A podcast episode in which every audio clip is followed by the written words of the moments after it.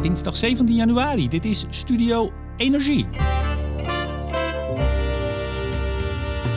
Vorige week publiceerde Tennet weer zijn jaarlijkse rapport Monitoring Leveringszekerheid. Voor het eerst wordt de leveringszekerheidsnorm in 2030 overschreden. Zonder maatregelen is er dan niet op alle momenten genoeg elektriciteit.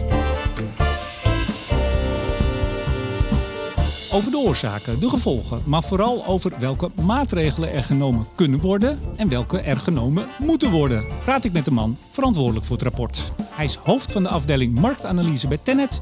Mijn gast is Patrick van der Rijt. En Studio Energie wordt mede mogelijk gemaakt door de vrienden van de show Eneco, Koninklijke FMW, Neptune Energy en netbeheerder Stedin. Meneer van der Rijt, hartelijk welkom. Ja, dag Remco. Welkom bij Tennet. Goedemiddag. Ja, uh, dank. Nou, het was weer een gedoe om binnen te komen, maar ik ben er. Ja, zeker weten. Streng, hè, zijn ze. Vitale infrastructuur. Kijk eens aan. Donderdag kwam uw rapport uit. Behoorlijk wat uh, media-aandacht weer voor. Bent u tevreden? Ja, daar zijn we zeer tevreden over. Ja, persconferentie. Ik geloof dat iedereen was komen opdraven. Ja, en dat is, dat is fijn, want zo genereren we aandacht voor het onderwerp. Ja, en dat onderwerp is uh, leveringszekerheid. Hebben we wel genoeg elektriciteit? Nou, voor het eerst, u maakt dit rapport al heel lang, dacht vanaf 2003? Sinds 2003, al, ja. al 20 jaar. En voor het eerst wordt de norm, gaan we straks uitgebreid over hebben wat die norm is, maar de norm wordt uh, of dreigt te gaan worden overschreden in 2030. En dat betekent, ik zei het al, misschien wel te weinig elektriciteit. Ja, en dat is precies waar we voor wilden waarschuwen. Dus ik ben blij dat die, uh, dat die boodschap ook herkend is. Ja, want ik had wat, uh, wat nieuwskoppen. De NOS zei netbeheerder uh, waarschuwt voor stroomtekort. Het is ook echt een waarschuwing, dus dat klopt. Deze kop van de NOS klopt. Die is juist, ja. Het is een waarschuwing. Ja. ja. U bent lekker kort van stof, geloof ik. Ja, ja, eh, God Remco, we hebben een uur de tijd, dus dit is volgens mij de inleiding, toch? Ja, maar NRC zei vanaf 2030 komt de leveringszekerheid van energie in het geding. Toen dacht ik, wacht even, die ga ik even vragen. Dat zou nauwkeurig kunnen, want het gaat over eh, elektrische energie in dit geval. Dus eh, energie, dat over het algemeen, daar eh, valt alles onder. Ja, elektriciteit is maar 20%. Dus dit, dit, dit is, maakt het weer wat, wat ernstiger. Dan zouden we van alle 100% zouden we problemen hebben. Dat is niet zo. Nu nog 20%, maar tegen 2030 uh, misschien wel 40%. Ja, dan wel ja. Daar gaan we het ook uitgebreid over hebben. ik geef u nog één, de Telegraaf. Die ging iets verder. Die zei stroomtekort dreigt naar 2030. Nou, dat klopt. Door afhankelijkheid groene energie. Ja, dat was een beetje jammer, want dat heeft eigenlijk uh, niet zoveel met uh, groene energie te maken. Dat is althans niet uh, de veroorzaker van het probleem. Is dat zo? Ja, het is. het, het, is. Oké, vooruit. ja, ja, het is de variabele opwek. En dat komt omdat wij willen verduurzamen. De, de, bestaande opwek die is goed regelbaar. En de, de duurzame opwek die hebben wij natuurlijk niet zelf in de hand. Dus zo kan je zeggen dat het daar verband mee houdt. Maar ehm, dat is wel erg kort door de bocht. Ja, maar je ziet hier al meteen het, het. Nou, dit is dan niet ook voor niks de Telegraaf, zou ik bijna zeggen. Toch niet altijd grote fan van de transitie. Ik hoop nu dat ik niet, niet de Telegraaf achter me aan krijg, maar dat klopt wel. En die hangen er meteen wel aan waar het door komt. Ja. Maar goed, ook die nuance die komt straks uitgebreid aan bod. Want u gaat allemaal vertellen wat er aan de hand is en, en hoe dat komt, hè? Ja, daar komen we op terug. Dat komt, dat komt langs. Ja, ik moet, ik moet even één ding vast, die wil ik vooruit halen. Uh, een van de adviezen in het uh, rapport is... we moeten actief beleid voeren... dat leidt tot investeringsbeslissingen... om de toekomstige leveringszekerheid veilig te stellen. Toen dacht ik, is dit nou met opzet in het rapport gezet... of is dit ongelooflijk vage zinnetje... is dat uh, aan uw aandacht ontsnapt? hij, hij, hij, hij, is wat vaag, want het is... Ehm, ja, zoals ze later ook zullen uh, uiteenzetten, zijn er meerdere oplossingen denkbaar. En eh, investeren in is een van de mogelijke oplossingen. Maar bijna alles wat we voorstellen heeft wel op de een of andere manier natuurlijk een investeringscomponent. Ja, maar hier staat eigenlijk om, om te zorgen dat we niet uh, te weinig stroom hebben, moeten we investeringsbeslissingen nemen om te zorgen dat we niet te weinig stroom hebben. Dat is een tikje vaag. maar er zit, er zit wel veel voorzichtigheid in, hè? In het rapport. Klopt dat? Dat ja, dat, dat, dat lijkt misschien door de tekst, maar dat komt ook wel door de rol die we hebben. Hè. Ehm, um, uh, veel mensen denken dat, dat Tenet verantwoordelijk is voor leveringszekerheid. Maar dat is niet het geval. Wij, wij adviseren hier uh, de minister. De verantwoordelijkheid ligt bij de minister. Dus het past ook in onze rol om, um, om niet zelf met de oplossingen te komen, maar met een advies. Dus, en in eerste instantie met een signaal van wat is er aan de hand. Mm -hmm. Ja, nou, dat, uh, dat hebt u gedaan. Ik wil nog één actualiteitje uh, aan u voorleggen. Er kwam een oproep vorige week, eigenlijk, nou, ik geloof iets voor uw eh, rapport. Van een aantal organisaties, Natuur en Milieu, Greenpeace, Jonge Klimaatbeweging en het Longfonds, geloof ik. En nog vier hoogleraren. Nou, dan weet u, als er hoogleraren in het spel zijn, dan, dan is het serieus. Het waren er maar vier. Uh, dat terzijde. Vroeger werd het, was het meteen 50. Hè? Kent u dat nog? Die petities die rondgingen tegen van alles. Ja. Zoveel ja. mogelijk hoogleraar erbij, dan geeft het gewicht in de media. Maar terzijde, hun oproep is: sluit alle kolencentrales uiterlijk in 2025. We hebben het over Nederland. Nou, u kunt uh, vertellen, u bent chef, uh, chef leveringszekerheid. U weet precies van hoe en de rand. Kan dat? Nou, ik denk dat we heel blij mogen zijn dat we ze nog hadden het afgelopen jaar. Um, het maakt ons um, heel erg eenzijdig in de brandstof als we ze nu zouden sluiten. Dan hebben we alleen nog maar gas, naast duurzaam. Ja. En, en uh, dus één, één ding is natuurlijk uh, opgesteld vermogen aan centrales. Maar anderzijds is natuurlijk ook de brandstofaanvoer. Ja, want vorig jaar toen zat ik in de, in de persbriefing uh, bij de 2021-editie van dit rapport. En toen legde ik dat ook voor aan de, de COO, is het hè? Maarten Abbehuis. Ja. Chief Operating Officer, de nieuwe Mr. Tennet, zeggen we dan. Uh, moet hij nog wel verdienen, maar uh, opvolger Ben Voorhorst. En toen zei ik ook, ja, wat, wat is nou eigenlijk zo'n rapport waard? Hè? Want er staat monitoring leveringszekerheid. Hebben we wel genoeg stroom? Maar u kijkt eigenlijk vooral, en eigenlijk alleen, naar het opgesteld vermogen. Niet of er genoeg brandstof is. En dat is nogal actueel geworden vorig jaar. Ja, dat is, in, dat is in dit rapport, Remco. We, we maken meerdere producten voor, voor het onderzoek naar leveringszekerheid op verschillende tijdschalen. En uh, de monitorleveringszekerheid, waar we nu over praten, die kijkt naar de termijn van 10 jaar. Mm-hmm. En um, die heeft dus een ander doel dan de rapporten voor de korte termijn. Wij doen in samenwerking met NSOE, dat is het Europese koepelverband van TSO's, maken wij tweemaal per jaar voor ieder seizoen ook een seasonal outlook. En uh, we hebben net de, de winteroutlook gepresenteerd op 1 december. Die kijkt naar het komende winterseizoen. Die kijkt dus heel specifiek naar operationele beschikbaarheid van elektriciteitsproductie. Dus ook naar brandstof? Die kijkt ook naar brandstof. Ja. Maar waarom dan niet ook in deze? Omdat deze een heel ander doel heeft. Deze gaat over het ontwerp van het, van het systeem als zodanig, dus van het marktmechanisme vooral. Mm-hmm. Uh, werkt de markt voor elektriciteit, we hebben een energy-only markt, werkt die zodanig dat die ook op termijn van 10 jaar kan garanderen dat er voldoende vraag en aanbod is. Ja, maar moet u hem niet gewoon monitoring uh, opgesteld vermogen uh, noemen? Want dat is eigenlijk waar u naar kijkt. Staat er genoeg vermogen? En of, u nou, of er nou genoeg kolen of aardgas is, dat is hier niet relevant in het rapport. Dat is een beetje gek, toch? Nee, nee, we kijken niet alleen naar het opgesteld vermogen. We kijken ook naar de ontwikkeling van de vraag. Ja, hoe. En die twee moeten op elkaar uh, matchen. En die twee moeten elkaar ook tegenkomen in een spel van, van, markt, van marktwerking. En de monitor kijkt ernaar of die marktwerking of die goed functioneert. Mhm. En, en, dat is op een termijn van 10 jaar ook nog goed bij te sturen. Kijk, voor het komend seizoen kunnen we daar niks aan veranderen. We kunnen zelfs marktregels, en dan moet uh, inderdaad de minister met een decreet komen om dat te doorbreken. Ja. Maar de monitor heeft tot doel om te kijken of we nu iets moeten aanpassen, zodat we ook over 10 jaar een, een goed functionerend systeem hebben. En wat ik zei, het werd een beetje pregnant, omdat ik uh, een jaar geleden letterlijk vroeg van ja, maar u kijkt niet naar of we wel gas hebben. Nou ja, als de sodemieter moest de minister de beperkingen van de kolencentrales afhalen, omdat we langs het randje gingen. Dus dat, dat zit dan niet in zo'n rapport. Nee, dat zit niet in dit rapport. Helder. Nou, er is genoeg uh, wat, er, wat er wel in zit. Um, even, hoeveelste, want ja, ik zeg even man verantwoordelijk. U doet dit vast met heel veel mensen. Uiteraard bent u met chef van de afdeling. Hoe lang uh, bent u al betrokken bij het maken van de, de monitor? Ik ben hier zelf bij betrokken sinds 2016. Oké. Okay. Ja. Nou, dus en we doen dat met een team. Dat is inderdaad uh, ons, ons Nederlandse team uh, marktanalyse. We hebben een vergelijkbaar team in Duitsland, maar dit, is, dit, is echt, uh, dit gaat helemaal over Nederland. Dus het team ook uitsluiten met het Nederlands team. Mm -hmm.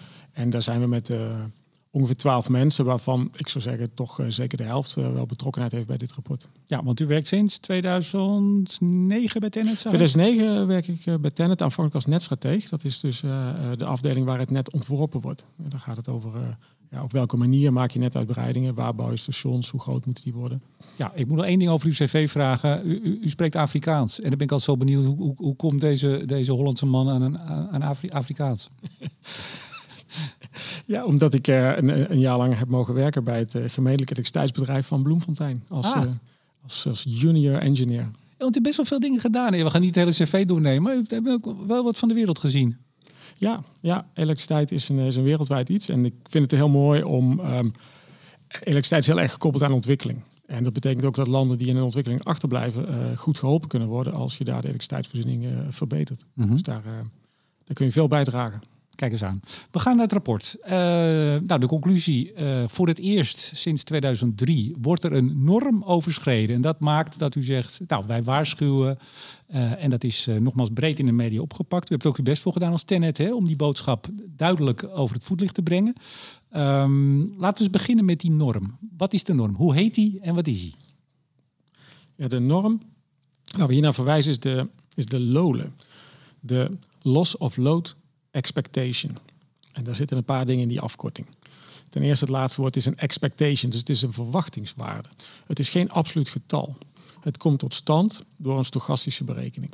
Er zitten kansen in, er zitten waarschijnlijkheden in en risico's, maar het is geen absolute waarheid. Maar dus in de media wordt het dan wel 4,5 uur, dat staat ook in uw rapport. Dat wordt dan eigenlijk in de media weer heel hard gebracht, hè? Dat klopt, ja. Dat is ook logisch. Je moet het reduceren tot een, tot een overzichtelijk begrijpbaar iets. Dat doen we zelf ook, want die, uh, die lolen, dat is ook een gemiddelde. Wij maken er zelf ook een gemiddelde van, omdat uh, het varieert over de jaren. We, we, we kijken naar het klimaat. Uh-huh. De lolen wordt beïnvloed door de temperatuur, omdat elektriciteitsgebruik wordt beïnvloed door de temperatuur. Maar tegenwoordig dus ook de productie van elektriciteit wordt beïnvloed door het weer. Hè. Zon en wind, ja. maar ook opslag uh, van water in, in spaarbekkens. Dat betekent dat het weer heeft een invloed en heeft een toenemende invloed. En zoals we allemaal weten is het weer uh, veranderlijk. En, en, wij kijken naar een gemiddelde van het weer van de afgelopen 30 jaar. Bijvoorbeeld, dat is al een van de redenen waarom we tot een gemiddelde waarde komen. Dus die lolen is een, is een gemiddelde, is een verwachting op de uitval van, uh, van, de, van de elektriciteitsvoorziening in een, uh, in een klein deel. Dus het allerlaatste beetje vraag dat je dat niet kunt voorzien. Ja, dat is die uh, LOLE, zegt u hè? Gewoon ja. LOLE. LOLE. De norm is vier uur. En daar zat, zaten we, zeg ik dan maar even, altijd onder. En nu dus niet. Nu zitten we met dat gemiddelde. Ik heb hier al alle getallen voor me ook. Want we hebben verschillende scenario's doorgekeken. U heeft nog eens een gevoeligheidsanalyse gedaan. U heeft van alles. Zeg ik dat goed, gevoeligheidsanalyse? Nee. Ja, dat... Jawel. jawel hè? Met uitval van 1,6 gigawatt extra. Precies. Dat um, is dat dan, zag u dit al aankomen, dat hij erboven kwam dit jaar? Ja, dat was wel een beetje de verwachting. Want we hebben de afgelopen jaren eigenlijk gezien dat uh, de waarde steeds verder oploopt. Hij lag, jarenlang lag hij echt op nul. Uh, ondanks dat de gemiddelde is en een, en een stochastische waarde lag die toch op nul. Ligt hij nu nog voor 2,25? We hebben het pas over 2,30. We hebben het over 2030, ja precies. Ja. 25 ligt hij nog steeds op nul. Mm -hmm. maar we zagen wel dat die waarde langzaam maar zeker uh, uh, op aan het lopen is. En we zien natuurlijk ook productiemiddelen uit het systeem verdwijnen. En we zien de vraag toenemen. Dus het is, het is voor ons geen verrassing dat dit gebeurt. Ja, dus het betekent dat in, in, of vanaf 2030 zegt u geloof ik, hè, maar laten we even zeggen in 2030, als, we, als het gaat zoals het nu gaat en alles klopt zoals het klopt, hè, dat, dat is nog, nou goed, we moeten kijken, dat er 4,5 uur niet voldoende elektriciteit in Nederland is. En die hoeveelheid hebt u ook berekend, dat is 4,8 gigawattuur. Ja, ja. ja, u knikt. Ik zeg het even tegen de luisteraars.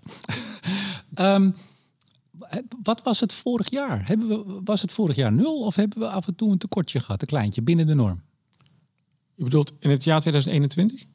Nee, in uh, 22, vorig jaar. Oh ja, sorry, in 22. Ja, maar je bedoelt ja. of we afgelopen jaar tekort hebben gehad? Ja. Nee, we hebben geen tekort gehad. Hebben we de afgelopen jaren wel eens nee, tekort gehad? we hebben nog nooit tekort gehad. Dus die norm van 4 uur, die was best uh, ruim. We hebben altijd nog uh, in Nederland uh, meer dan genoeg elektriciteit kunnen produceren om iedereen ten alle tijden van alle gevraagde energie te voorzien.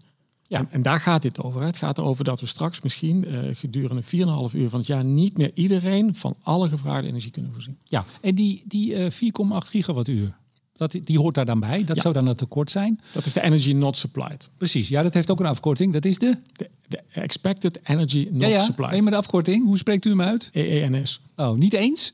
Nee, niet eens. eens en oneens. Ja, ik vroeg me dat af. We hebben nee. de LOLE. En toen dacht ik, nou, er zat wel eens of eens of zo. Ik weet niet of dat in het Engels is. Maar goed, hoeveel is dat? Kunt u dat, er luisteren ook allemaal mensen die niet zo dagelijks hiermee bezig zijn. Wat is 4,8 gigawattuur? Waar hebben we het dan over? Ja, dat is gedurende, gedurende 1 uur uh, 4,8 uh, gigawatt. Dus als de, als de, de onderbreking een uur lang duurt. Ja. Um, is moeilijk hoor, misschien deze vraag, maar... Maar volgens mij is het, Remco, is het megawattuur, hè? geen gigawattuur. Nee, het is gigawattuur. Het, uh, oh, pak, ja, pak hem er even bij. Ik er even bij pakken. Want ja, nee, dat, we hebben hier de, de chef cijfers. Overigens, er zit ook nog een, uh, een, een, zeer verdienstelijke woordvoerder mee te kijken. Die kent volgens mij het rapport ook helemaal uit zijn hoofd. Die, die kan even knikken. Is het gigawattuur? Oh, die, die, die weet het niet helemaal. Het wordt even opgezocht, dames en heren. Dit is uh, dit, net, net al even in de print, maar nu ook met de computer erbij. Oh, dan is het serieus hoor. Ja, het is gigawattuur. Ja. ja. Dit is wel enigszins pijnlijk, meneer Van der Rijt. Misschien is het een beetje de zenuwen van de podcast. Zou dat het zijn? Nou, ik zie hem oplopen. Kijk, vorig jaar was het... Uh, Blijf straks bij de microfoon. Vorig jaar was het 2,8 en daarvoor was het 0,087. Vandaar dat ik. En we hebben wel eens uh, gehaspeld met de afkorting in het rapport. Want de GWH en uh, eh, MBH, dat ligt dicht bij elkaar. Maar het is 4,8. Nou, factortje duizend tussen. Ja, ik lees hoor. Ik lees ja, goed. Je hebt hem goed gelezen. maar maar, maar kun, kun, nee, heel goed. Maar kunt u aangeven, of is dat lastig? Klein dorp, provincieplaats, groot bedrijf. Wat, wat is, ik vind het zelf ook lastig om dat te, te kwantificeren. Nou, een, een, een gigawatt, dat is, uh, dat is toch wel veel. Kijk, uh, we hebben uh, ongeveer 15 gigawatt. de minimale vraag, de piekvraag zit rond de 20 gigawatt. Hè? Dus dit is, dit is toch al een kwart van, mm. van de piekvraag. wat, wat je op dat moment niet kan voorzien. Ja, nou, dus serieus. Ja. Ja, nou, nou is dit gedaan bij het HB-scenario. We gaan lekker even de diepte in. Pak een koffie bij, dames en heren. We gaan hem eens even helemaal afpellen. Overigens voor iedereen ook na te lezen. Hè? Ze kunnen hem er ook even bij pakken van uw website. Daar staan ook alle, alle oude, althans, nou de meeste. Niet ze allemaal, staan, ja, wel, ze staan allemaal op. Ja? Ja, tot 2003. 2003. Ja, die kon ik dus niet vinden. dat, zal, dat ligt aan mij, vast. hey, even, um, ehm, HB-scenario. Wat is dat? Dat is het huidige beleid. Uh, met huidige beleid onderzoeken we wat er uh, gebeurt als uh, alles waarvan we eigenlijk nu, um, wat nu is afgesproken en beleid wat in gang is gezet, als dat ook omgezet wordt. En uh, de kans daarop is natuurlijk groot, want dat zijn zaken die zijn, die zijn bijvoorbeeld uitbreiding van wind op zee. Ja, maar dan, en dan, dan kijkt u net als denk ik het PBL. Hè? U neemt het PBL, precies. want die geven precies die grens aan van dit vinden wij vastgesteld beleid, voorgenomen beleid. En we hebben tegenwoordig een derde categorie, iets wat er wel aan komt, maar er nog niet is. Ja, dit, dit is uh, gekoppeld aan wat PBL onderzoekt, is wat PBL in het klimaat- en uh, energieverkenning gebruikt. En waarvan zij dus ook zegt, ja, daarmee bereik je niet helemaal um, wat we zouden willen bereiken. Mm -hmm. Hiermee blijf je toch een beetje steken op misschien 49% CO2-reductie, terwijl de ambitie inmiddels uh, hoger ligt. Ja, nou dat is het, daar zijn we al, het hogere ambitiescenario, HA. Um, en daar gaat u uit van de 55% dat die gehaald wordt, wat het huidige kabinets voornemen is. Ja, en daarvoor moeten wij dus een aantal aannames doen, omdat nog niet alle beleid um, ook echt is ingezet om dat te bereiken. Ja, ja. ja dat komt er nog aan. Ja. Nou, dan hebben we nog, we gaan niet alles in detail doen hoor, maar dan hebt u ook nog een, een HB, dus een huidig beleid met uh, wat minder productievermogen. Heeft u 1,6 gigawatt gas eraf gehaald? Dat is een gevoeligheid die we, die we al um, vaker onderzoeken. Enerzijds uh, omdat dat het, het, gemis is van de grootste uh, centrale in Nederland. Of die nou op gas of kolen draait, dat maakt niet uit. Maar dat is het, het, het wegvallen van, van de grootste productieeenheid. Mm -hmm. Maar het helpt ons ook als we gedurende het jaar vragen krijgen uit, uh, uit verschillende hoeken van wat zou er gebeuren als. Hè? Um, als nou, dat, dat, dat, kunnen wij nu de luisteraars vertellen. Al, als er ineens 1600 megawatt gas afvalt, dan springt die 4,5 uur naar 11,9 uur dan springt de hoeveelheid energie naar 16,3 gigawattuur. Ja. En hebben we er nog één. Als alle interconnectie wegvalt. Nou, dan, uh, dan, dan kunnen we wel ophouden, hè, meneer Van der Rijt. Ja, dan zijn we een eiland geworden. Hè? Dan, uh... Ja, dan zitten we 72 uur hebben we te weinig. Dan hebben we een soort nexit. Ja. ja. Gaat het ook hier zo rond, nexit? Nou, het is, het is een scenario wat wij niet serieus nemen... dat je, dat je als Nederland je zou loskoppelen van, van het Europese elektriciteitsnet. Nou, dan, maar toch even, 72 uur uh, uiteindelijk. En dan zitten we zonder uh, 80 gigawattuur. Uh, u zegt in het rapport, die interconnectie is eigenlijk vooral met uh, Groot-Brittannië en Noorwegen van groot belang. Want, en corrigeert u me maar, met België en Duitsland, ja, als wij tekort hebben, hebben zij het waarschijnlijk ook. Ja, dat is inmiddels wel, wel het geval. Dat was, in het verleden was dat veel minder. België had kerncentrales, Duitsland had uh, hele grote bruinkoolcentrales, uh, steenkoolcentrales. Die hebben ze in 2030 ook niet meer. Mm -hmm. uh, ook zij zijn dan veel meer afhankelijk geworden van wind en zon. Die hier in Noordwest-Europa ongeveer op hetzelfde moment schijnt en waait. De Duitse windparken die staan niet ver van de Nederlandse en de Belgische. Ja, maar u zegt, we, vinden, dit is niet een serieus scenario. U, kijkt een aantal dingen, u heeft bijvoorbeeld batterijen. Heeft u ook een, een gevoeligheidsanalyse gedaan? U heeft hem dus gedaan voor uh, een, een gascentrale van 1600 megawatt eraf en geen interconnectie. Nou, dat we dat uh, zelf doen met z'n allen, dat we de, de, de, de interconnectie doorsnijden, dat is niet zo, ligt niet voor de hand. Maar wel dat ze gewoon stuk zijn. En dat hebben we nou een aantal keer gezien. Zeker nog, we hebben er een keer drie tegelijk. Het was niet zo lang, maar die, die lagen er een paar dagen uit. Dus waarom is dit geen uh, realistisch scenario? Nou, we doen de analyse om, om inderdaad eh, vast te stellen in welke mate we zelfvoorzienend zijn. Als je dat zou willen zijn. Hè. Dat is een beetje dezelfde analyse als we hebben in Nederland voldoende eieren om, uh, om ons te voorzien. En dan blijkt dat we twee keer zoveel eieren hebben als we zelf nodig hebben. En, en hoe zit dat met elektriciteit? Mhm. daar, daar doen we dat voor. Maar niet dat het zinvol zou zijn om alle stroom voor onszelf te houden. Want dit gaat over het hele jaar. En er zijn heel erg veel momenten van het jaar dat wij meer dan genoeg energie over hebben om de anderen te helpen tot in Frankrijk toe. Mm -hmm. andere uur van het jaar helpen zij, helpen zij ons. Dat blijkt ook waarom uh, die uh, Energy Not Supplied en de lolen zo ontzettend toeneemt als we Nederland zouden loskoppelen. Maar, maar bijvoorbeeld Noordnet is een belangrijke kabel. Ja. Die heeft er heel lang uitgelegen vorig jaar. Ja, niet zo lang, een week of twee dacht ik. Dat oh, wacht even, was het dan de, de Cobra? Dan kijk ik ook even naar uh, de buurman. Lag Cobra er zo lang uit? Nee, Noordnet ook. Ja, maar de reparatie gaat toch wel snel hoor. Ja, Sneller er lag er eentje maanden uit in ieder geval. Van, dat was de verwachting, maar uiteindelijk was hij minder lang uh, niet oh. beschikbaar. Maar goed, ik wil maar zeggen, er kan van alles misgaan. En dan woont nog een, een land, uh, we weten nog niet welk land, die, uh, die onder water nog wat dingen kan opblazen. Dus als, als landen geraakt, als iemand landen wil raken zoals ons, dan is dat best kwetsbaar.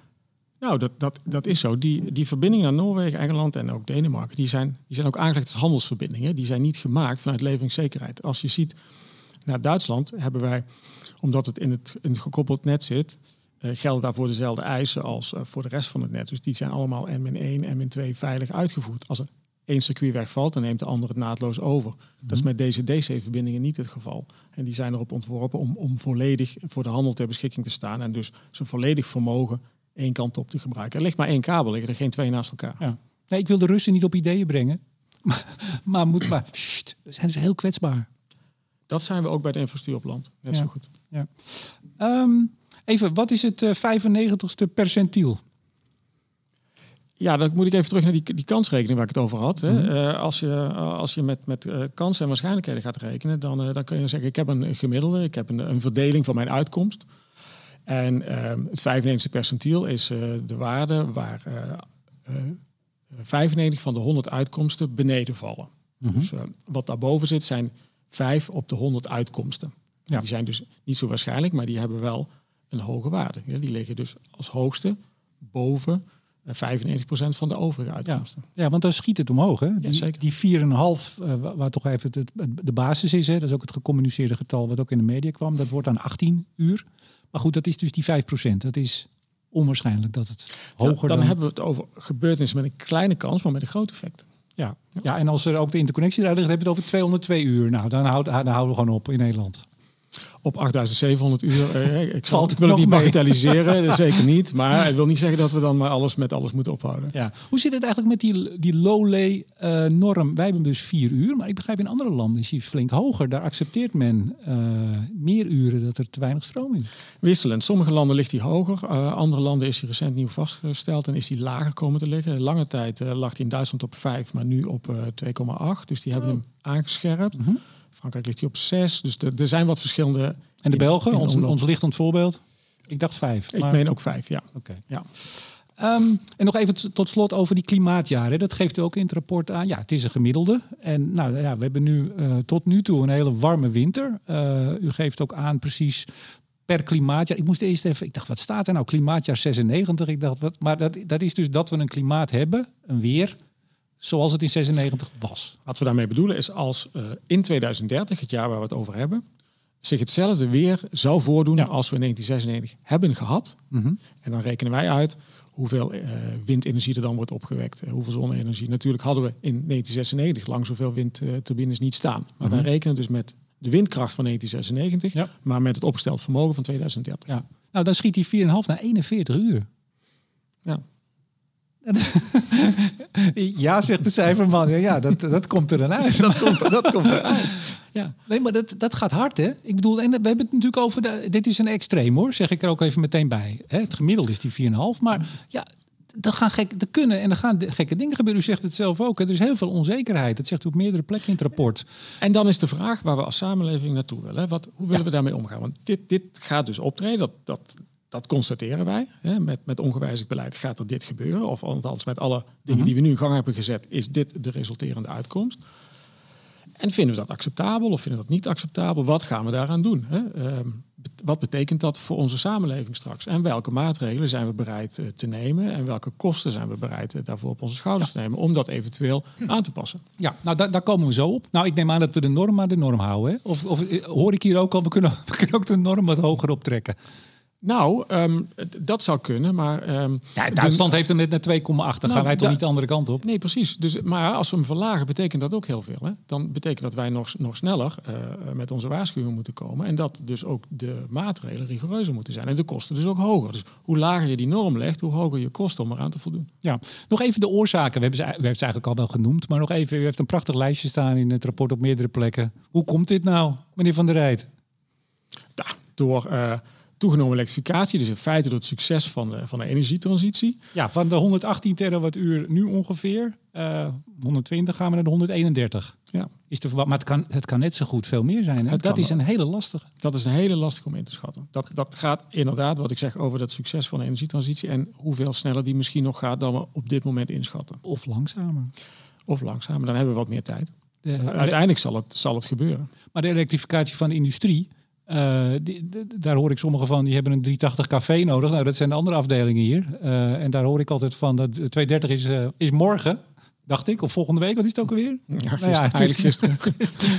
nee, maar dus de vraag of, of het lukt. dit, is, dit lijkt me zo lastig in uw baan. Want als je die oude rapporten leest, en die hele oude, dat was gewoon twee A4'tjes. dat was vrij overzichtelijk.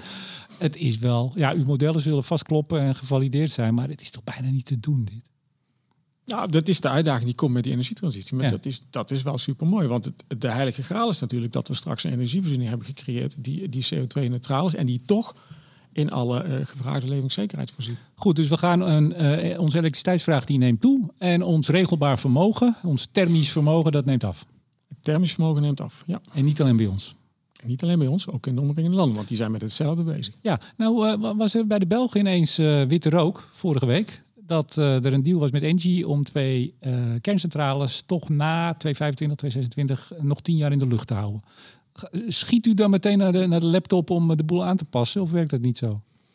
Ik heb al even een laptop gekeken wat we hadden aangenomen. En deze kerncentrales hadden wij al aangenomen. Want het, uh, het agentschap voor atoomenergie in, in België was al bezig met dit onderzoek. Ja, u had al aangenomen dat ze doordraaiden? Dat ze doordraaiden, ja. Dus, het, kabinet, dus het, kabinet, wist het alleen nog niet. het was nog niet officieel, maar het verbetert dus niks aan de cijfers. Het is niet zo dat we nu blij kunnen zijn dat ze er zijn en dat dat onze cijfers uh, verbetert. Nee.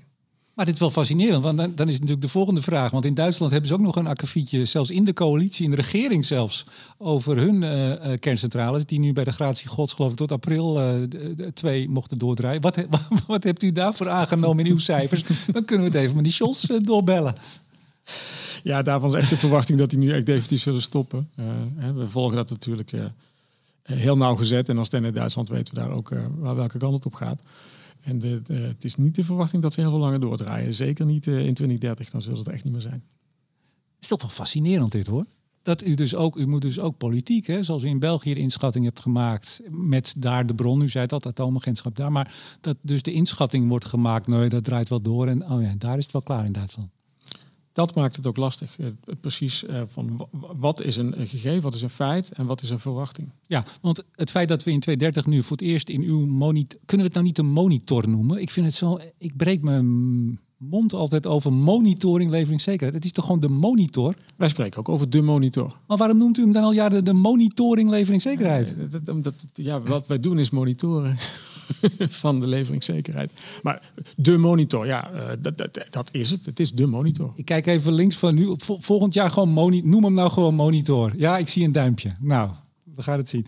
Uh, maar het feit vooral, hè, dus de, meer elektriciteitsvraag, minder thermisch regelbaar vermogen, veel meer weersafhankelijk. Het weer wordt steeds bepalender, u heeft het gezegd. Uh, maar vooral omdat het in omliggende landen nu harder gaat, minder uh, thermisch vermogen. Dat maakt dat wij nu uh, in de, boven de norm zitten. Heb ik het goed? Um, we, hebben het, we hebben het nu beter uh, in kaart kunnen brengen, omdat we nauwkeurige gegevens hebben. Wat ik net zei, die verwachting over het buitenland. Uh We mhm. zijn afhankelijk van uh, de gegevens die we uit, uit omringende landen krijgen. En die zijn um, beter bekend. We zijn een jaar dichter bij 2030, maar mm ook daar hebben ze het beleid aangescherpt en, en vastgesteld en, en, en, meer daadkrachtig en kordaat besluiten genomen. Zodat we nu duidelijker is welke kant het op gaat. Oké. Ehm, hoe, hoe maakt u zo'n rapport? Ja, we hadden het over gegevens. Uh, Ja. Daar beginnen we mee. Ehm, eh, we zijn in de, in de prettige omstandigheid dat eh, de wet ons eh, het recht geeft om uitvraag te doen eh, bij de producent in Nederland. Dus Ja, want dit is ook uw wettelijke taak, hè? het een maken van de monitor. Exact, exact.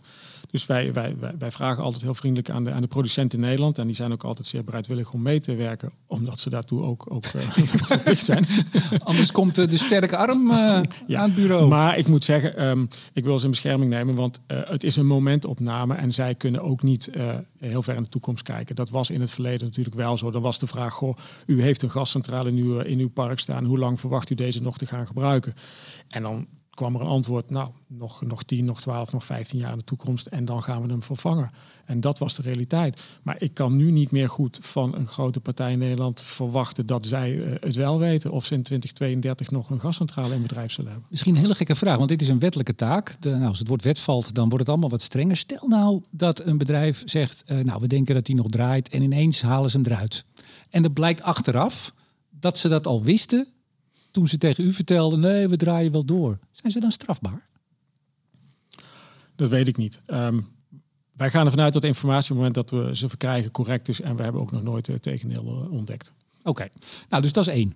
U inventariseert uh, wat staat er aan kolen, wat staat er aan gas. Nou, kernenergie die, uh, die gaat weer langer door. Maar dat wist u, natuurlijk, dat wist u natuurlijk al lang. In Zeeland wisten ze het nog niet, maar u wist het al. Uh, dan maakt u een prognose van andere opwek. Zon en wind met name.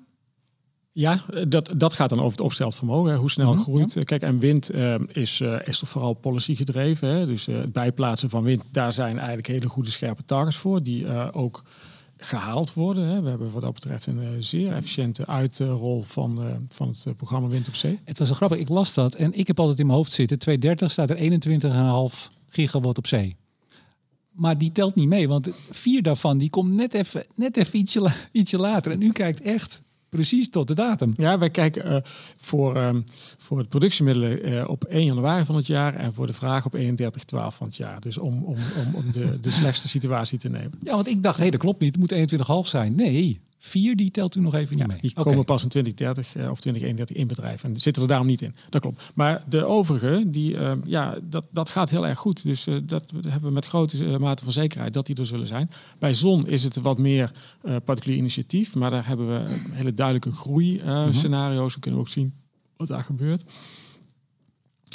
Um, het buitenland, wat ik zei, dat krijgen we op basis van onze samenwerking in NSOE. Dus met ja. de overige TSO's in, in Europa. Want die andere tenets in het buitenland doen hetzelfde wat u doet. En die krijgen ook de gegevens van al die partijen binnen. Ja, niet alleen voor zichzelf, maar um, dat, um, dat is straks nog niet aan de orde gekomen. We hebben dat, dat hele korte termijn rapport waar ik over sprak, die seasonal outlook. We hebben dit rapport, maar in Europees verband maken we ook een tienjaars outlook. En die heet ERA, European Resource Adequacy Assessment. En die gaat over precies hetzelfde. Die kijkt of er over een termijn van 10 jaar in Europa voldoende opwekcapaciteit beschikbaar is. Daarvoor verzamelt NSOE gegevens uit de uh, lidstaten van de EU. En precies die gegevens krijgen wij van hun en gebruiken wij voor onze nationale monitor. Ja, op, ja, u moet ook even hoesten. Opwekcapaciteit, maar kijken die dan weer wel of niet of er brandstof is? Of er kolen en gas zijn? Nee, dit gaat niet over brandstof. Dit Precies. gaat over productiemiddelen. Oké, okay. moeten we altijd even goed onthouden. Ja. Dat wil nog wel eens wat uitmaken, hebben we afgelopen jaar gezien. Nou, dan gaat u aan de slag, dan maakt u scenario's. Nou, die hebben we net, net behandeld.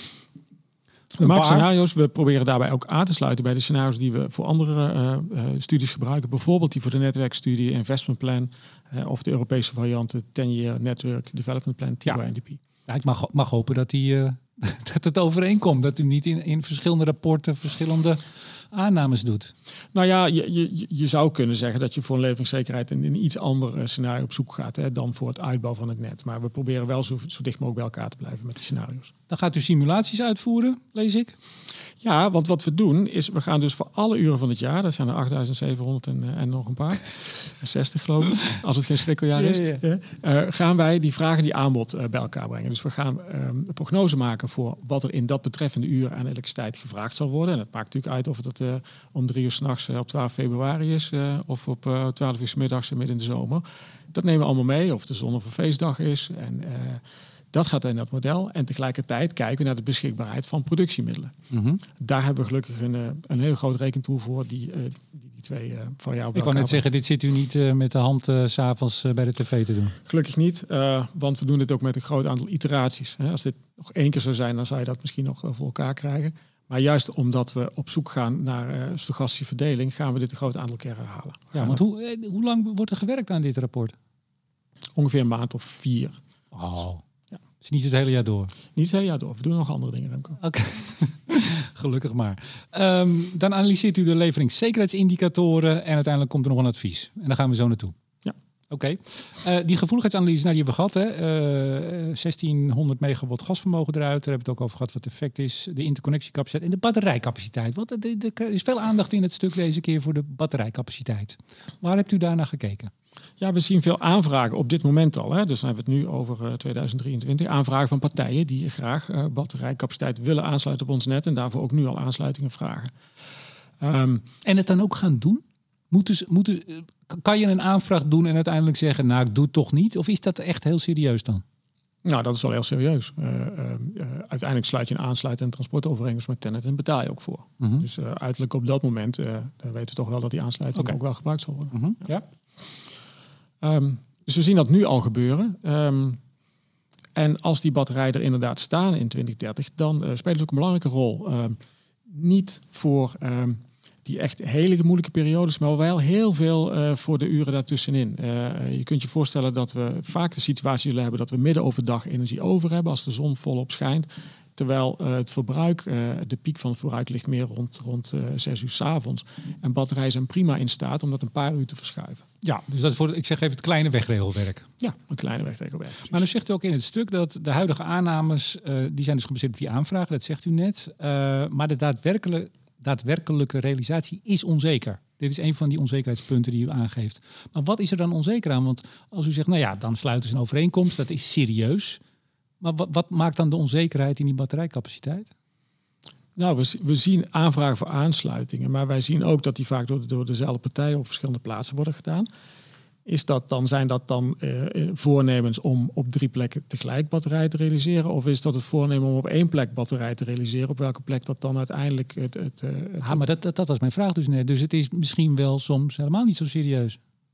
Nou, de som, de optelsom uh, niet. Hè? Dat nee. de partijen uh, is wel zeker serieus. Ja. Want daar valt ook geld nee, Maar als je het op drie plekken aanvraagt, dan heb je, dan, dan heb je uh, twee keer zoveel, of nee, nog meer zelfs, dan wat je misschien uiteindelijk neerzet. Ja, maar moet als netbeheerder ook de handen naar een eigen boezem steken. Het lukt ons niet altijd om op tijd aan te sluiten. Hè? Dus dat, dat partijen dan gaan kijken van waar kan ik uiteindelijk een aansluiting krijgen. Misschien niet op de plek van eerste voorkeur, maar als daar wel een aansluiting gerealiseerd kan worden, dan maar op die plek. Ja, en u schrijft in het rapport dat als er minder batterijcapaciteit wordt aangesloten, dat dat een relatief groot effect heeft op uw modellen, zeg ik maar even. Ja. Als er wat meer dan wat u nu denkt wordt aangesloten, dan heeft het eigenlijk niet zo heel veel invloed. Ja, daar hebben we extra uh, tijd aan besteed om dat uh, wat te verdiepen. Um, hoe meer batterijen je aanzet, uiteindelijk voegt dat niet heel veel meer toe. En je kunt je voorstellen dat, um, dat alle beschikbare uh, energie dan wel is opgeslagen. Of dat uh, er gewoon niet meer vraag is in die, in die uren van, van hoge vraag dat die batterijen dat, uh, dat, dat kunnen oplossen. Mm -hmm. Als er minder staat, ja, dan, dan wordt de vraag niet gedekt. Dus het is, het is inderdaad een, een, een asymptotische benadering. Ja, was dit de eerste keer dat u een batterijcapaciteit analyse, gevoeligheidsanalyse hebt Nee, we hebben, we hebben eerder ook gekeken naar de inzet van... Um, van batterijen in auto's. Uh, en, en ook naar uh, thuisbatterijen eventueel. Of uh, als partijen die bijvoorbeeld zonne-energie op hun dak hebben liggen, ertoe zouden overgaan om thuisbatterijen te installeren. Wat in Duitsland heel gebruikelijk is, maar daar is een andere subsidieregeling voor, voor zonnestroom dan in Nederland. Mm -hmm. Waarvoor het voor Nederlandse huishoudens op dit moment niet aantrekkelijk is. Dus we hebben daar vorig jaar naar gekeken. Maar we durven daar nu niet van uit te gaan dat er grote aantallen thuisbatterijen zullen staan in Nederland in 2030. Omdat daar dus geen geen stimulerende maatregel voor bestaat. Ja, nou hier, hier rolt dan uiteindelijk uit dit hele mooie rapport, 50 pagina's, prima te lezen. Doe dat even, zeg ik. He? Ja. Het is een stuk leesbaarder geworden, ja. denk ik. Hè? We hebben er echt aandacht aan besteed om het uh, zo kort mogelijk te houden, zodat het ook uh, prettig leesbaar is. Zeker, nee, dat is goed te doen. Uh, dan komt er een advies uit en ik vat het even kort samen. Eén is, volg de ontwikkelingen in het buitenland nauwlettend. Ja. Ja, je, ziet hoe belangrijk dat is. Hè? We zitten in hetzelfde schuitje. Hè? Ons, ons lot is aan elkaar gekoppeld. Ja, dit roept u al een aantal jaar. Ik, heb, uh, ik ben teruggegaan tot 2018, waarin ik uh, alle rapporten nog eens zo heb doorgenomen. Ja, meer tijd had ik niet. Dat, kost al heel veel tijd als je er een aantal doet. Eentje valt wel mee. Maar um, ja, dat nauwlettend volgen uh, van ontwikkelingen. In 2018 ging het nog over het Clean Energy Package, wat toen kwam, eraan kwam. Dat je alle ontwikkelingen moet volgen. Mag ik zeggen dat ik dat een wat open deur vind als advies? Dat mag het nu klinken, maar toen we dit uh, dus voor het eerst opschreven, toen um, waren er toch nog best veel mensen die dachten dat je um, levingszekerheid binnenlands kunt, uh, kunt regelen. En eventueel als de nood aan de man komt, dat je een slagboom bij de grens zet en uh, denkt van als we het binnenlands hebben opgelost, nou, dan zitten wij tenminste lekker in het licht en laat de Belgen maar in het donker zitten. Wie dacht dit? Um, Welke idioot dacht dit? Dat, dat, Meneer dat, van der Rijt. Dat waren er best een aantal. En, uh, luister naar wat radiofragmenten terug uit 2018. Ik denk ook door de coronacrisis dat het wel geholpen heeft. Want daar zagen we in eerste instantie natuurlijk precies hetzelfde gebeuren. Er was het eigen land eerst. Totdat we merkten dat we op die manier de crisis niet uh, bedwongen krijgen. Ja. En dat gaat bij elektriciteit precies hetzelfde zijn. Het, het, gaat niet helpen. En gelukkig zien we dat nu bij, uh, in feite bij de Oekraïne gascrisis uh, gebeuren. -huh. Dat landen al in een vroeg stadium hebben begrepen, dat moeten we samen doen. Ja. Dus misschien dat deze boodschap er volgend jaar wel uit kan, omdat die inmiddels voldoende is doorgedrongen. Maar het is en blijft heel erg belangrijk om het probleem samen op te lossen. Elektriciteit kun je niet uh, binnen de landsgrenzen uh, oplossen. Ja, maar wacht even, want kijk, we zaten nu nog even in het nauwlettend volgen. Nou, daar bent u ook voor. Toch? Ja. U, u, volgt dat nauwlettend. Dat dus, doen wij. dus dat is gedekt. Dus u adviseert eigenlijk dat u zelf ook... Oh, daar zelf mee door moet gaan. dat Hij moet ook aan het werk blijven. Ja, natuurlijk. Absoluut. absoluut. Um, dan is het volgende dat, dat uh, beleidsvoornemens ook uh, uh, over de grens besproken moeten worden. Dat zegt u ook al een aantal jaar. Dus als, nou ja, als Duitsland plannen heeft, België, noem maar op, dan is het idee, uh, of uw advies, nogmaals aan een aantal jaar, uh, bespreek dat met elkaar. En dan kwam er uh, in 2020 en 2021 de editie. We hebben het nu nog over de 22 editie, hè, maar dus twee edities geleden kwam er eens iets opvallends bij. Daar, nou, in het advies stond het niet, dat was wel weer grappig. Daar bleef het keurig, hou het in de gaten en bespreek. Maar in het voorwoord bijvoorbeeld, en ook in de persconferentie vorig jaar uh, viel me dat erg op, uh, zei Tennet tegen eigenlijk de politiek, uh, u moet al die voornemens met elkaar gaan afstemmen.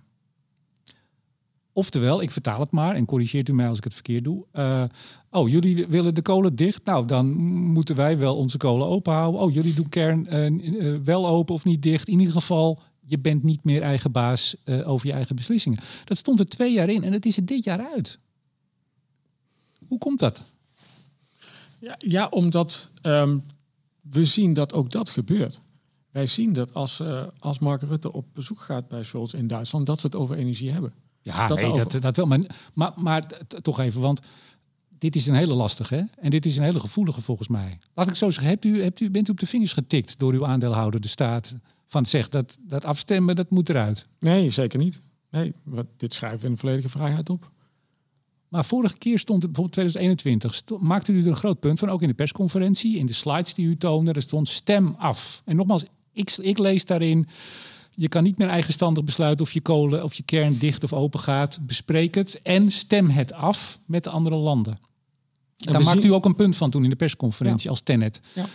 Maar dat, dat gebeurt toch niet? Is er nou bij het besluit van, van België om die twee kerncentrales langer open te houden, is dat afgestemd met Nederland? Ik geloof er niks van. Zeker wel. Uiteindelijk is dat natuurlijk een besluit van de Belgen zelf. En ook bij ons is het een besluit om op 1 januari 2030 het uh, opwekken van elektriciteit met kolen te verbieden. maar er wordt wel samen over gesproken. En daar zijn we echt verder dan een paar jaar geleden. Ja, er wordt over gesproken. Nou, dat is afstemmen toch? Nou, ja, dat is dus het is de niet vraag, toestemming hè? vragen. Ik zeg niet dat de Duitsers ons toestemming vragen. Nee. Ja, maar afstemmen. Ja, goed, maar dan komen we op de definitie van afstemmen. Misschien moeten we er ook niet te lang over praten. Maar voor mij is afstemmen. Dus je, hebt, je, je, je volgt de situatie, dat adviseert wel jaren. Bespreek het, dat is de volgende stap. En het derde is, uh, wat zei ik nou? Nou ben ik mijn eigen woord kwijt. Stem af, sorry. Stem af. En dat, dat is volgens mij, maar goed, misschien legt u hem anders uit. Dat is, nou bijvoorbeeld nu, uh, uh, Jette heeft aan, aan Duitsland gevraagd om die kerncentrales langer open te houden. Nou, u weet al, dat gaan, gaan ze niet doen. Dat wordt dus niet afgestemd, want wij willen het eigenlijk niet dat ze dicht gaan. En Duitsland zegt, we doen ze wel dicht. En dat is een van de redenen dat wij nu in 2030 boven de LOLE-norm van vier uur komen. Dus dat wordt helemaal niet afgestemd. Ja, de overblijven kerncentrales in Duitsland, die, die staan drie van de vier in het zuiden. Die hebben meer een rol in de, op de Frans-Duitse as dan op de Duits-Nederlandse as. Ehm, maar er wordt wel degelijk over gesproken. Electricity Coordination Group in, in Europa. Uh, daar zitten de, uh, de ministeries in en ook de toezichthouders en, en de Europese Commissie. En die praten in een, uh, in een vroegtijdig stadium over wat ze doen. Dat hebben ze nu ook bijvoorbeeld gedaan met de gascrisis in de Oekraïne. Ja, nou ik heb binnenkort minister Jet in de podcast als het goed is al eind deze maand. Ik zal hem vragen of, uh, of er met hem wordt afgestemd of dat het alleen wordt gemeld of besproken. Dus ja, ja. We, gaan het, uh, we gaan het horen. En het tweede advies, dat had ik eigenlijk in het begin al, dat hele vage zinnetje, ja, onderneem actie om te zorgen dat het niet misgaat. Dat, dat is eigenlijk wat er staat. Ja, dan kom ik terug wat ik in het begin zei. het, is een, um, het is een advies. Hè? En wij zijn een adviseur, wij onderzoeken de situatie met betrekking tot de leveringszekerheid. Mm Maar wij maken uiteindelijk als, als netbeheerder niet de keuze. Het is een, een democratische keuze waar we de norm leggen. Um, wat het ons waard is om um, ononderbroken voorzien te zijn van elektriciteit. Mm Overal in Nederland, ten ja. alle tijden. Welke kosten we daarvoor nemen. En ook dus welke keuzes we maken. Hè. Doen we dat door uh, regelbare bronnen bij te bouwen uit uit het algemeen. Ja, wacht even, dit gaan we even afpellen. Ja. Want ik, ik heb het lijstje voor me. U heeft ja. natuurlijk wel, er staan in uw rapport, ja, eigenlijk waar je uit kan kiezen, zou ik maar zeggen. Maar voordat we dat doen, even. Uh, ik las een reactie van minister Jet. Ik moet wel zeggen, ik zag het op de website van WNL. Ik heb het hem niet horen zeggen. Ik heb het niet van een perscommuniqué. Dus ik, ik doe een kleine slag om de arm. Want ik heb niet veel reactie van hem gezien. Misschien heb ik niet goed gezocht. Maar even dus met een kleine slag om de arm. Uh, ik weet niet of het een ANP was of van WNL zelf. Maar in ieder geval minister Jette schijnt gezegd te hebben, zeg ik voorzichtig, fundamentele keuzes zijn nodig naar aanleiding van uw rapport. Klopt dat? Ik heb dat ook gelezen. Okay. Het was inderdaad ook, volgens mij was het ANP-bericht. Dat was toch een ANP? Ja, goed, ja. dat kan. Nou, dan, dan heb ik er alweer iets meer vertrouwen in. Oh, wat erg wat ik dat zeg. Maar even, um, fundamentele keuzes zijn nodig, zegt de minister. Uh, wat voor fundamentele keuze bedoelt hij, denkt u? Ja, um, als je uh, constateert dat we de, de regelbare bronnen moeten bijbouwen. Ja, u moet even een slokje water. Dat is gehaald, want u uh, hebt een kleine kriebel, merk ik. Een kleine kikker in de keel. Ja, rustig aan. We hebben alle tijd. Um, nee, dat is natuurlijk ook al lastig om u dat te vragen. Maar u hebt denk ik wel een idee. Hè, wat, en dat is eigenlijk ook mijn vraag aan u. Wat kunnen we? Wat ligt er in uw winkeltje of in ons winkeltje? Uh, aan welke knoppen kunnen we draaien? Nee, ik wil daar graag wat over zeggen. Want wij, wij benadrukken vaak dat flexibiliteit aan de vraagkant heel erg veel kan helpen. En dat, dat is ook zo. Um, als, uh, als op de uren dat we tekort komen, en dat zijn er dus niet zoveel, de elektriciteitsvraag zou verminderen, dan kunnen we het tekort voor een heel groot gedeelte oplossen. Maar dat betekent, demand-side response. Demand-side response. Maar dat betekent wel iets voor die afnemer. Want die afnemer heeft op dat moment even geen stroom. En stroom is ontzettend waardevol voor ons allemaal. Ja, maar en dat afschakelen is dus ook waardevol. Daar kan hij geld mee verdienen. Daar kan hij geld mee verdienen. Daar kan, en, nou, en, en dat is dus het punt. Um, hoeveel geld moeten daar tegenover uh, stellen. Dus hoe ver moet de elektriciteitsprijs oplopen in een uur? Wil het uh, nuttig zijn voor die partij om te kiezen tot afschakeling? En is die prijs dan zodanig hoog dat, dat allerlei andere partijen uh, daar, daar grote pijn van ondervinden? Of durven die prijs met z'n allen zo ver te laten oplopen? Durven het daarop aan te laten komen? Ja. En dat, dat betekent misschien ook iets voor andere elektriciteitsafnemers. Um, en is dat dan genoeg? Zijn er genoeg partijen geïnteresseerd om tegen die prijs hun, hun, hun, verbruik te verminderen. Als ja. dat zo is, dan is dat een hele uh, kosteneffectieve maatregel om leveringszekerheid te bereiken. Ja, want uh, dit is van een andere orde wellicht, maar als Tennet betaalt u al jaarlijks honderden miljoenen hè, om, om de boel goed af te regelen, zeg ik maar. Het is reservevermogen. Dat is eigenlijk om het systeem ja. uh, gaande te houden. Hè. Dat is het, het kortstondig op- en afregelen. Dat, dat, dat, dat, is wat anders. Hier gaat het echt over, Precies. er is een tekort aan elektriciteit. Nee, maar daar wordt voor betaald. Daar, wordt voor betaald. betaalt u ja. en ja. Uh, wij, wij geven u dat geld als, uh, exact, als burgers. Alle elektriciteitsgebruikers samen. Ja, nee, maar dat loopt in de honderden miljoenen, toch? Dat, ja.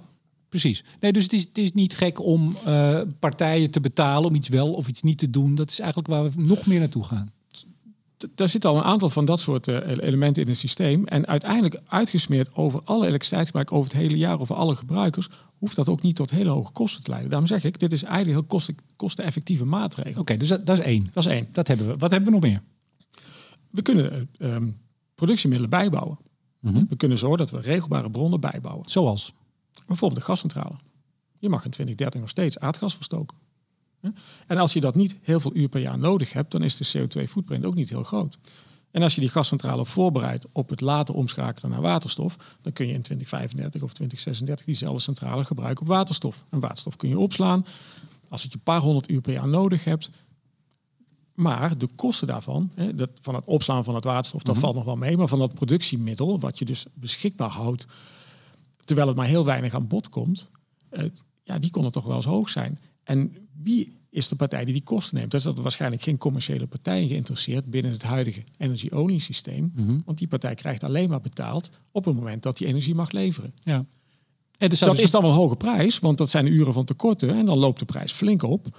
Maar dat komt niet zo vaak voor. En dus zijn dat voldoende uren over eh, de levensduur van die centrale, 10, 20, 30 jaar, om dat terug te verdienen. Ja, maar dan moet je dus ook een politiek besluit krijgen om een gascentrale te gaan bouwen, een fossiele centrale. Ik zie het niet gebeuren. Waarom niet? Nou, eh, eh, iets met politieke druk, iets met media, iets met eh, activisme tegen het gebruik van fossiele energie. Het is toch belachelijk, minister. Je ziet zo naar, het, naar de interruptiemicrofoon rennen, meneer Van der Rijt. Hoe houdt u het in uw hoofd? Wat een gekkigheid. Gascentrale bouwen. Ja, daar, daar ben ik misschien toch te veel ingenieur voor. Maar als je uitrekent wat de CO2-footprint is, die is niet zo groot. En nogmaals, als je hem dus voorbereidt op, eh, op waterstof, dan kan hij uiteindelijk gewoon helemaal duurzaam zijn. Kunnen we ook nog iets met die kolencentrales die dicht, of althans die geen kolen meer mogen verstoken Dat- in 2030? Dat zou ook kunnen. Hè. Eh, Je kunt daar kijken naar andere brandstoffen. En ehm, daar ben ik geen, ehm, geen ehm, ehm, mechanical engineer. Dus ik weet niet precies hoe het met ijzerpoeder zit. Ik heb daar wel eens wat eh, presentaties over, eh, over gevolgd. Leek veelbelovend, maar eh, ik hoorde op het moment niet zoveel van.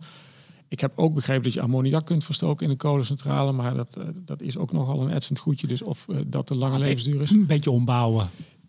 Hoeft niet ingewikkeld te zijn. Maar ook daar weer, dat moet de eigenaar van de kolencentrale doen. En wordt die partij daar voldoende voor beloond voor, voor het investeringsrisico wat die neemt. Ja, maar mag ik u iets voorleggen? Ehm, eh, vorig jaar, ja, ik ben af en toe ook in de war met dit jaar, vorig vorig jaar 2022, eh, zei de Onyx kolencentrale, die hadden een deal, althans, eh, een, een uitgewerkte deal om dicht te gaan. Tegen een vergoeding van 221 miljoen eh, euro. En uiteindelijk gingen ze niet dicht, want ja, er was vorig jaar wel een centje te verdienen met kolen. En toen zei minister Jette dat hij heel erg teleurgesteld was dat ze niet dicht gingen. Eh, maar wat ook eh, bleek, dat was al duidelijk in die deal, eh, niet alleen moest de centrale sluiten voor dat bedrag, hij moest ook afgebroken worden. Het terrein moest schoon worden opgeleverd op de Maasvlakte. Zijn dat verstandige, verstandige zetten om een eh, hypermoderne kolencentrale, die er pas, nou, wat is het, 2016 is die, eh, is in bedrijf gegaan, om dat te sluiten? Of zou u zeggen met uw blik, nou, laten we die dan in de mottenballen zetten en dan kijken we wel wat we ermee doen? Ja, CO2 wordt binnenlands afgerekend. Eh, die kolencentrales in Nederland zijn niet alleen hypermodern in Nederland, maar ze zijn hypermodern in Europa. Zijn dat nou de eerste die je moet sluiten voor het milieu? Wel om aan je taakstelling te voldoen. Voor je binnenlandse eh, CO2-beperking. Nou ja, wij, wij zijn het land geworden dat eh, de ETS-uitstoot binnen zijn eigen budget heeft gehaald. Wat natuurlijk op zich helemaal niet hoeft. Sterker nog, waar het ETS niet op bedacht is. Overigens, u zei net, u bent geen, geen mechanical engineer, u bent eh, electrical power engineer. Ja, Toch nog even zeggen. ja, Ja. Dank, je, dankjewel. TU Eindhoven. TU Eindhoven En dan kunnen ze daar ook weer juichen. Hij, hij zit er weer van de rijt.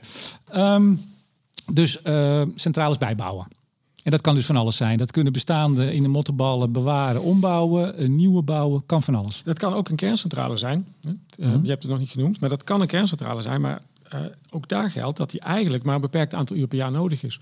En of kerncentrale de meest geschikte is om dat te doen, dat is natuurlijk ook een groot vraagteken. Maar die twee die we nu gaan bouwen, die, eh, daar is toch wel de bedoeling van dat die redelijk boven in de 90% gaan zitten qua draaien. Ja, dat is de bedoeling. Maar de vraag is of ze aan bod komen. Als we straks heel veel duurzame energie hebben staan, in de meritorde kan het zijn dat die centrale dus boven eh, zon en wind komt te staan. Dan komt die niet aan bod gedurende die uren van het jaar dat er overvloedig aanbod is van zon en Ja.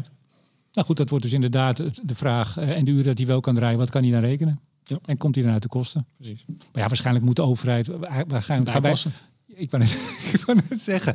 Of we bouwen ze gewoon zelf. Als er straks niemand komt. Als er niemand ze wil bouwen, dan bouwen ze toch zelf.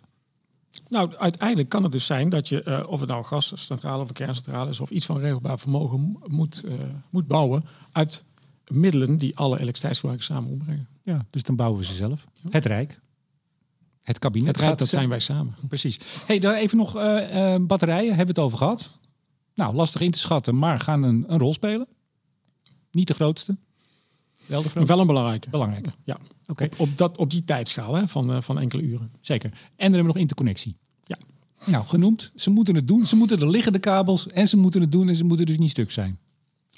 Dat klopt. En we hadden het over interconnectie met België en Duitsland. De overblijvende uren kunnen we daar niet veel meer van verwachten. Maar er zijn honderden uren per jaar dat we dus heel erg veel bereiken met de uitwisseling van, eh, met België en Duitsland. En daarachterliggend, dus bijvoorbeeld ook met Frankrijk.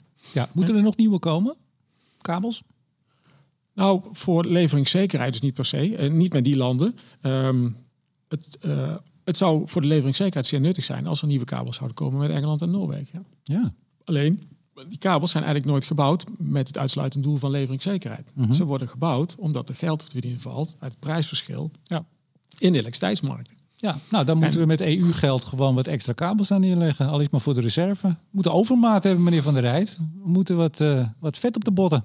Nou ja, er zijn ook EU-maatregelen die zeggen dat ehm, eh, die, die dat willen stimuleren, hè, die interconnectie willen stimuleren. Dat is niet voor niks. Ja. Zijn we nog eh, zaken vergeten nu? Aan mogelijke oplossingen. Ehm ja, de gebruikskant, opwekkant. Volgens mij hebben we het eh, belangrijkste hebben we gehad. Ja, en, maar wat zijn nou nog, nogmaals, hier moet de politiek dus een keuze maken. Dit zijn de fundamentele keuzes die voorliggen. Eén, eh, hoe gaan we het doen? Twee, wie betaalt het? Ja, dat is een democratische keuze die we samen moeten maken. En dan is het gewoon op te lossen. Het is niet dat we in 2030 misschien toch ineens een paar uur zonder zitten. Althans met te weinig. Nee, dat hoeft niet. Als wij deze keuzes durven maken en ze ook durven omzetten, eh, dan, eh, dan is er eh, geen reden waarom het systeem niet betrouwbaar zou kunnen blijven zoals het nu is. Ja, en wat ik net een beetje gekscherend riep van we moeten overmaat, spek op de botten. Het moet een beetje ruim zijn. Dat, dat, zegt, dat is een beetje buikgevoel. Laten we nou niet op het randje gaan zitten. Want als er dan wat misgaat, we moeten een beetje, beetje extra hebben. Dat is die, dat is die norm. En die, als je die dus aanscherpt, betekent in feite dat we met z'n allen er meer geld voor over hebben om wat, eh, wat ruimer in het jasje te zitten. Ja, dan gaan we, gaan we meer eh, backup faciliteiten creëren, die we natuurlijk moeten betalen om, eh, om meer zekerheid te hebben. En onze samenleving eh, is hoogtechnologisch, is sterk afhankelijk van een ononderbroken supply. Dus dat wij in Nederland meer waarde hechten aan een ononderbroken levering dan in sommige andere landen, ja, dat, dat kun je ook wel goed, goed aanvoelen. En dat is dan ook gerechtvaardigd, want de, de, de, de omzet die per uur wordt bereikt vanwege het beschikbaar hebben van elektriciteit, die is ook heel groot. Als je die moet missen, dan zijn de kosten dus hoog. Het zal wel heel bepalend zijn wanneer dit soort beslissingen of deze knopen moeten worden doorgehakt. Als we het nu doen en met een jaar wat we achter ons hebben liggen achter ons, ja, dan kan er waarschijnlijk meer. Maar als het straks allemaal wel weer een beetje rustig wordt. Oftewel, de vraag is wanneer moeten hier die fundamentele keuzes gemaakt worden? Nogmaals, 230 is morgen, gisteren voor u, voor Tenet. Dat is heel snel, maar sommige dingen kunnen ook snel omgezet worden. Als ik het heb over eh, die meer flexibiliteit aan de vraagkant, dat is iets wat, wat eigenlijk heel snel kan. Dat betekent dat de, de, de voordelen daarvan doorgegeven moeten worden aan de partijen die, eh, die zich bereid eh, stellen dat, dat te doen. Dus eigenlijk alleen een, een afrekenmechanisme moet daarvoor ontwikkeld worden. Ja. Uh, batterijen kun je ook snel opstellen, hè, uh, afgezien van de, van de aansluiting. Maar dat is eigenlijk uh, ook op korte termijn te realiseren. Maar zelfs het bouwen van een gascentrale, dat kan binnen vier, vijf jaar gebeurd zijn. We hebben locaties die daarvoor geschikt zijn. Nou, snel hoor, vier, vijf jaar. U bent te optimistisch, meneer Van der Rijt. Jawel. Die kolencentrales, dat was een jaar? Kolencentrale duurt langer. Oh, dat is langer. Ja, dat is een veel complexer apparaat. Dan is dat zo? Ja, zeker. Het gaat toch vooral over uh, uh, besluitvorming en uh, vergunningen met name. politieke besluitvorming, lokale vergunningen, nee? Dat, dat klopt, maar um, we hebben locaties die aangewezen zijn voor grootschalige elektriciteitsproductie. Ja, even tot, tot slot. Um, u geeft dit advies, er staat ook letterlijk advies in. Nou, dat hebben we doorgenomen. Dat is natuurlijk heel... U, legt vooral eigenlijk de, de keuzes voor als je goed leest. U, u, maakt geen keuzes. Maar hebt u nou achter de schermen... Uh, adviseert u nou het kabinet, of het ministerie moet ik zeggen... adviseert u nu ook concreet met hoe die knopen doorgehakt moeten worden? Als er nou tegen u, meneer Van der Rijt, wat moeten we doen? Geeft u dan als ten het antwoord? Nee, op die manier wordt de vraag niet aan ons gesteld. Wat, uh, wat er wel aan ons ge gevraagd wordt, is om, om de gevolgen van bepaalde keuzes te analyseren. Als we deze keuze maken, wat zou dat dan betekenen voor de leveringszekerheid? Dat soort analyses hebben we vaker gedaan. Die staan overigens ook op de website. Hè. Dat mm -hmm. zijn die tussenanalyses van uh, wat als. Hè. Als bijvoorbeeld de reductie van, van de capaciteit van de kolencentrales. Hè, die, terug, die toen een aantal jaar terug mm -hmm. moesten. Dat hebben we geanalyseerd. En de gevolgen daarvan in kaart gebracht. Ja. En, en dat soort dingen doen we vaker. Ja, maar het is dus ni- niet zo nogmaals dat, dat u echt om een advies gevraagd wordt wat te doen. Gebeurt niet. Oh, Niet anders dan dit. Dit, dit rapport, monitor, dat is Ja. openbaar. Daar Ja. zitten dus de aanzetten in. Mhm. De keuzes. ehm, ja, eh, ik, eh, ik wil heel erg aanmoedigen dat hier een democratische afstemming gemaakt wordt. Dat we die samen maken. Ja, maar snel. Dus in Den Haag. Snel In de gebeuren. Tweede Kamer. En, en eh, wel snel. Ja. Nou, we gaan, het, we gaan het zien. Patrick van der Rijt, hoofd van de afdeling marktanalyse bij Tennet. Hartelijk dank voor het gesprek. Heel graag gedaan. En uiteraard bedank ik ook jullie beste luisteraars en in het bijzonder alle vrienden van de show, waaronder Eneco, Koninklijke FMW, Neptune Energy en netbeheerder Stedin. Tot zover. Mijn naam is Remco de Boer. Graag tot volgende week.